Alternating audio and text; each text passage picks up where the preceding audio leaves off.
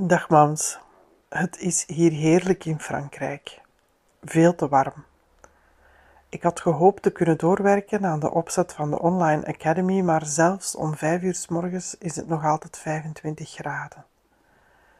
Het enige dat helpt is de voor- en achterdeur openzetten en hopen dat er een beetje wind vanuit de dal de heuvel opwaait. En voorlopig is het een truc die werkt. De jongens zijn gaan kajakken. Eerst het kanaal op en dan stroomafwaarts via de rivier naar huis. Ramazan heeft het nog nooit gedaan, dus die zat met een bang hartje in de kajak. Louis deed net alsof hij een ervaren zeereiziger was en Edward gaf veel te veel uitweg. Niks nieuws dus. Mijn advies om er gewoon in te stappen werkte veel beter. Kano of kajak, het principe is redelijk hetzelfde. Met wat technische uitleg over het peddelen en evenwicht houden waren ze op weg. Ik steeg in achting bij de twee puberjongens, want deze dame van 46 en evenveel kilo's te veel was blijkbaar toch meer dan mama of chips en cola leverancier. Er zat als het ware een avonturier in haar. Dit is de vakantieweek waarin ik je ongelooflijk hard mis. Het is de eerste vakantie zonder jou. Zonder dat er regelmatig foto's heen en weer gaan met groenten van jouw kant en reisfoto's van mijn kant. Je zou ze moeten zien, de twee jongens. Die hebben de vakantie van hun leven. Veertien en vijftien en hun dagen zijn gevuld met zwemmen in de rivier, zwemmen in het kanaal, film kijken op het heetst van de dag en fietsen naar de lokale camping voor wat couleur lokaal. Zijn de cola's van 33 centiliter en zoute chips bij hun sandwich. Het is raar om geen foto's door te sturen, om geen groentige oogst te zien. Zo zie je maar hoe vanzelfsprekend de zomers waren. Wat ik het meeste mis zijn niet de grote dingen, het zijn de kleine dingetjes, de foto's, de telefoontjes, jouw stem, de manier waarop je een appel schilt en mij ook partjes geeft, net zoals toen ik klein was. De vuile klompen aan de achterdeur, de strohoed, jij die de witte was ophangt in de zon, want dan bleek die zo schoon in het zonlicht. Het draaien met je ring die steeds losser kwam te zitten naarmate je zieker werd. Het beetje koffie dat altijd achterbleef in je koffietas. Dit is de vakantieweek waarin ik je heel hard mis. Waarin het rouwen even traag gaat als het voorbijglijden van de dagen. Alsof het gemis verlengd wordt naarmate de klok trager tikt. Traag, trager, traagst.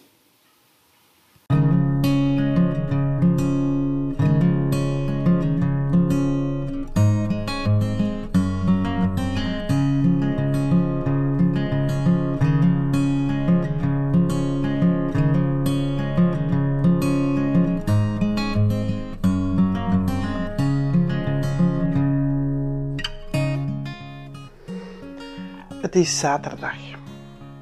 Een dag nadat ik de podcast oplaad, inlaat, post.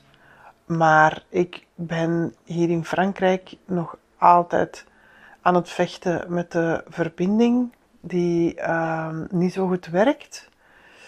We zijn overgestapt naar een nieuwe provider en laat ons zeggen dat ik daar nog minder tevreden van ben dan de provider die we voordien hadden.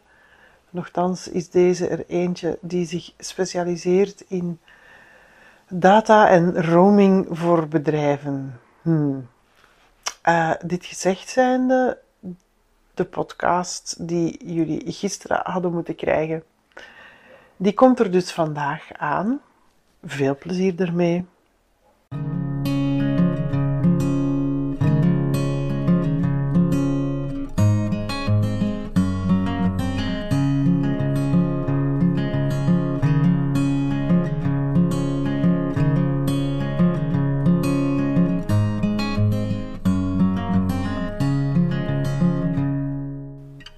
Heb net telefoon gekregen. Het is zo een van die ik heb slecht nieuws telefoontjes. Het was de dierenkliniek bij ons in Capellen. die mij vertelde dat onze poes, Azrael, onze rosse kater, was binnengebracht door een van onze buren. Hij had hem gevonden in de tuin. En ja, bleek dat hij overleden is, waarschijnlijk door het eten van rattenvergif. En dat hij zich met zijn laatste krachten waarschijnlijk nog richting ons huis heeft gesleept.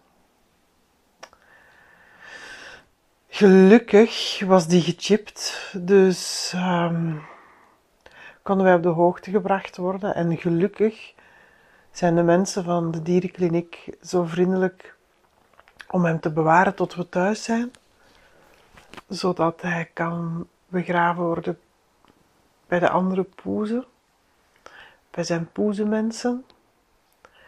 En al onze, al onze poezen hebben een plekje gekregen in onze tuin. Waar, waar ik, we, we, vooral Edward, op dit moment wel heel erg mee inzitten, is uh, de kleine poes die achterblijft, Oni. Zij waren broer en zus en ze waren nog nooit in hun hele leven ook maar langer dan een paar uur van elkaar gescheiden geweest. Dus wij weten op dit moment, terwijl we hier in Frankrijk zitten, totaal niet hoe het met haar gaat. Ze hebben de buren verwittigd en de buurman die onze katten, kippen, tomaten, planten eten komt geven, heeft gezegd dat hij meerdere keren per dag zal langsgaan om een beetje met haar te knuffelen. Um, dat ze goed voor haar zullen zorgen, maar we hebben toch besloten om vroeger naar huis te komen. Omwille van de poes. En ik vind het een voordeel dat ik dan een paar dagen vroeger thuis ben, omdat ik dan heel veel dingen die ik hier in Frankrijk niet heb kunnen afwerken, omdat ik die dan thuis nog kan doen. Maar we gaan vooral naar huis omwille van de poes. Om Azrael een plekje te geven. Hij was mijn kat. Ik wil heel mijn leven al een roze kat. Dus um, toen de Billy Bob, de andere kater die we hadden vier jaar geleden, overleed, zijn we heel specifiek op zoek gegaan naar een rosse kat. En we hadden er een gevonden bij een poezenmama. Maar het was een pakketje, ze kwamen met twee, dus we hebben ze met twee in huis genomen. En uh, Azrael was wat wij noemden een oxytocine junk. Dus hij was echt uh, ja, heel knuffelig, had ook constant knuffeltjes nodig. Dus hij lag elke avond bij mij in de zetel terwijl ik aan het lezen was of televisie aan het kijken of zat te haken. Um, was altijd in de buurt bij ons. Um, dus ja, het is wel. Um, dit is de week waarin ik tijdens die eerste vakantie zonder mijn mama haar het hardst heb gemist. Dat heb ik uh, in de brief gelezen en dat, dat blijkt ook uit mijn dagboeken. En uh, ja, vreemd genoeg is dit dus ook een week waarin verdriet wel echt um, een, een hogere plaats krijgt. Want de katten zijn bij ons echt een deel van ons gezin. En um, er wordt om gerouwd. Dus het is, het is ook vreemd om, om dat dan van op afstand te doen. Het is, het is echt, echt een hele vreemde week. Um, ik merk ook dat elke keer als, als een van onze huisdieren, um, als die er niet meer zijn, of als er iemand bijvoorbeeld overlijdt uit de vriendenkring van mijn mama, dat dat, harder binnenkomt. Dat, dat het feit dat zij er niet meer is, harder binnenkomt. Um, en dat is natuurlijk omdat ik dan, enerzijds word ik teruggecatapulteerd naar, naar haar sterven, maar anderzijds besef ik ook wel heel hard dat dat een generatie is waar ze, ik weet het niet, om een of andere reden grote kuis aan het houden zijn of zo. Ehm, nu, ik weet wel, ook omwille van mijn job, dat er wel heel veel mensen zijn tussen de 60 en de 70 die overlijden.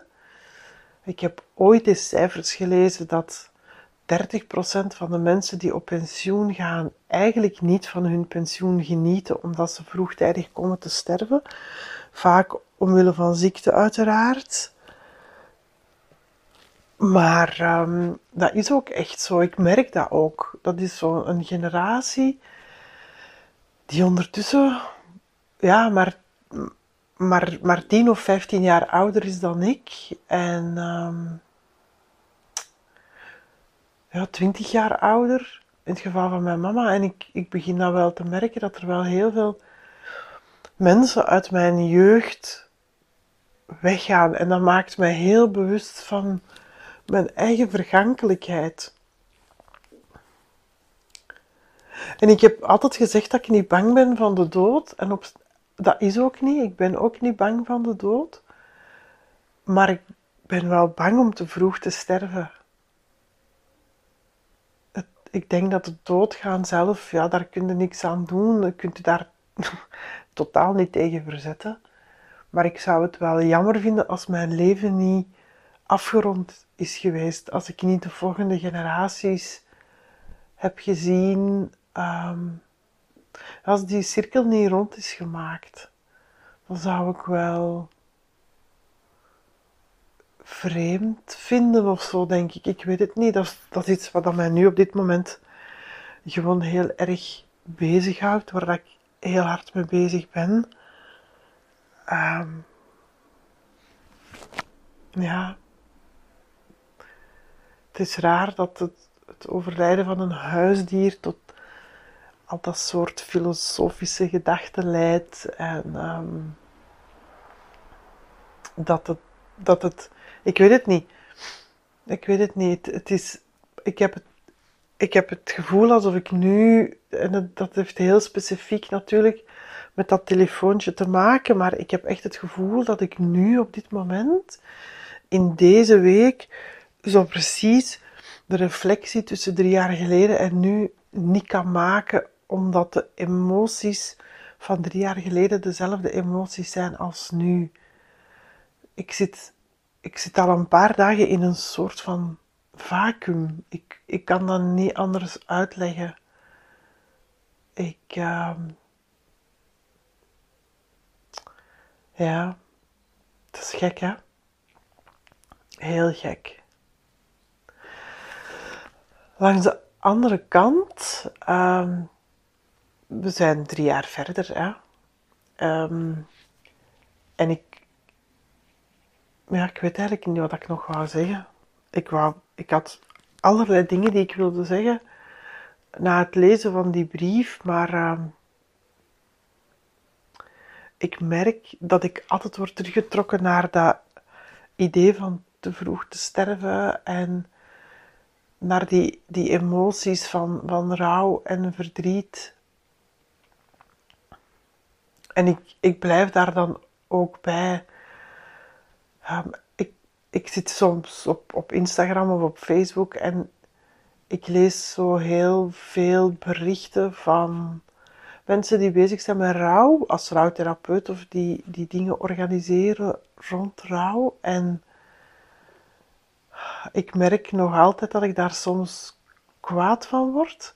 En dat is super onnozel, hè, want dat zijn mensen die onwaarschijnlijk goed werk doen. En ik denk dat heel veel mensen die in een rouwende situatie zitten, die in een overvloed van verdriet zitten, dat die heel veel steun hebben aan lotgenoten en aan samen zijn met mensen die, die weten hoe dat het voelt. Maar voor mij is dat nog altijd, drie jaar later, alsof al die berichten en activiteiten heel banaal zijn. Echt idiote Donald Duck pleisters op de wonden die zo niet blijven zitten. Weet je wel, zo van die pleisters van super slechte kwaliteit die absoluut niet blijven zitten. Dat is hoe dat voor mij voelt en dat versterkt mij tot op de dag van vandaag nog altijd in de gedachte dat het beste wat ik had kunnen doen ooit in mijn leven was om te stoppen met werken als rouwbegeleider. Omdat ik mijn woorden kwijt ben op dat vlak. Ik ben de woorden kwijt om te kunnen vertellen hoe dat het voelt, omdat ik het zelf voel. Omdat ik zelf heel hard besef en weet dat er geen woorden zijn. En ik kan mij voorstellen dat er collega's zijn, collega's ceremoniesprekers, die net doordat ze een even groot verdriet hebben meegemaakt, die net daardoor wel woorden vinden. En bij mij is dat minder. En ik merk ook dat ik drie jaar later met Rebel Ceremonies heel hard worstel met de idee en de vormgeving rond uitvaarten en overlijdens. En dat ik heel erg neig naar huwelijksceremonies en dat dan echt te doen op mijn manier. En dat ik ehm, dat dat een, een, een beetje een tweestrijd is geworden binnen in mezelf.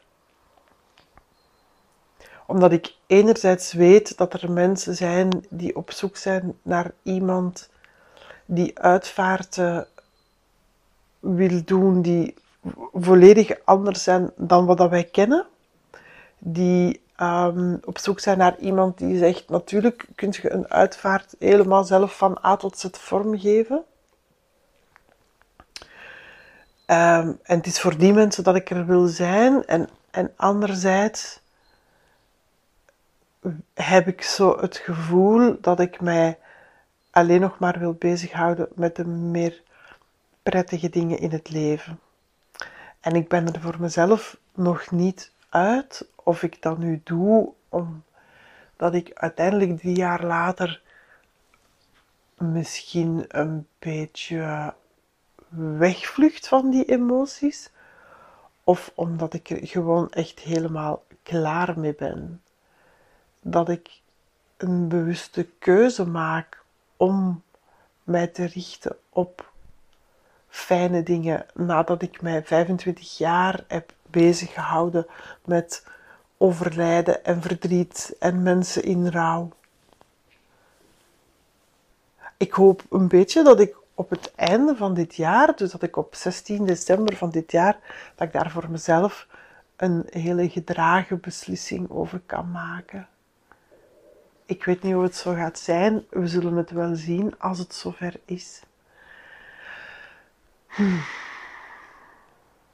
Dus ja, conclusie van deze week. Ehm, ik raak niet vooruit. Uh, letterlijk omdat ik geen dataverbinding heb. Figuurlijk omdat ik doordat Azrael gevonden is, even teruggecatapulteerd wordt naar uh, een heftige, verdrietige emotie. En um, voilà. Dus we hebben besloten om vroeger terug te komen naar huis. Dus in principe, als jullie elke week luisteren, dan uh, is de podcast van volgende week terug in het Antwerpse opgenomen. Tot dan, zou ik zeggen, voor uh, brief 35, want dit was week 34. Bye bye.